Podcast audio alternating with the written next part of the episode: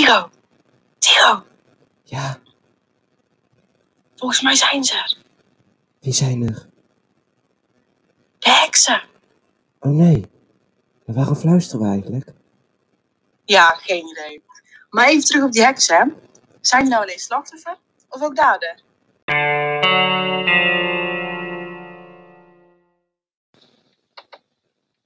Hoi en welkom bij onze podcast. Wij gaan het vandaag hebben over heksen.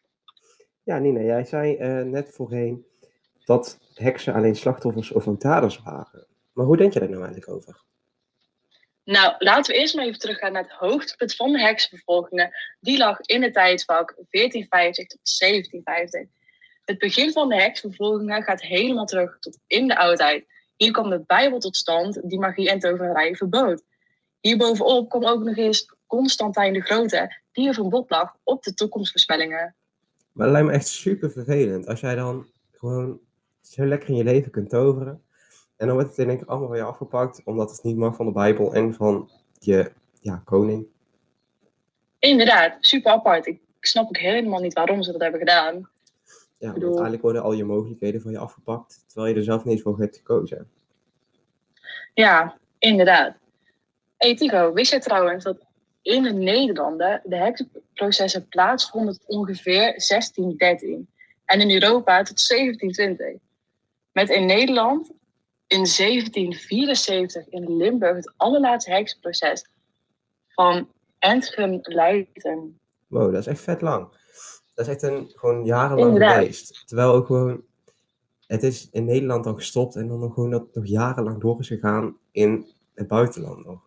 Ja, nadat ze in Nederland gelukkig zijn gestopt met de vervolgingen, gaan ze in Europa nog rustig jaren door. Dat vind ik echt erg. Ja, dat is echt belachelijk. Ja, en weet je wat nog belachelijker is?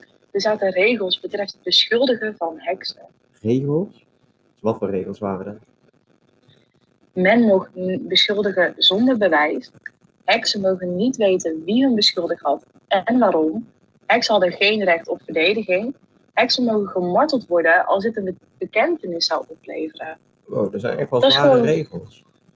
Dat is toch gewoon heftig? Jij kan iemand op straat zien lopen en je kan gewoon zeggen, ja, dat is een heks. En diegene heeft gewoon geen kans, want ze mogen zich niet verdedigen. Ja, dus als jij Dat- gewoon een conflict met iemand al zou genoeg? hebben, als jij gewoon een conflict met iemand zou hebben, dan zou jij gewoon kunnen zeggen van jij bent een heks en die, dat persoon is eigenlijk gewoon dood.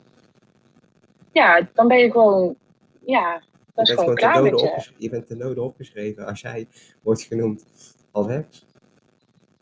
Precies, en dit bewijst ook maar weer dat heksen geen dader zijn. Want jij mag iemand aanwijzen zonder dat jij enig bewijs hebt.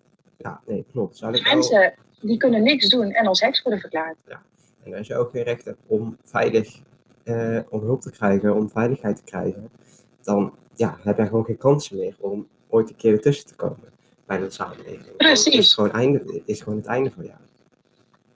Ja, hartstikke erg. Ja, super erg. Nou, wil jij nou het vervolg horen van deze podcast? Ga dan snel naar de podcast van Tigo.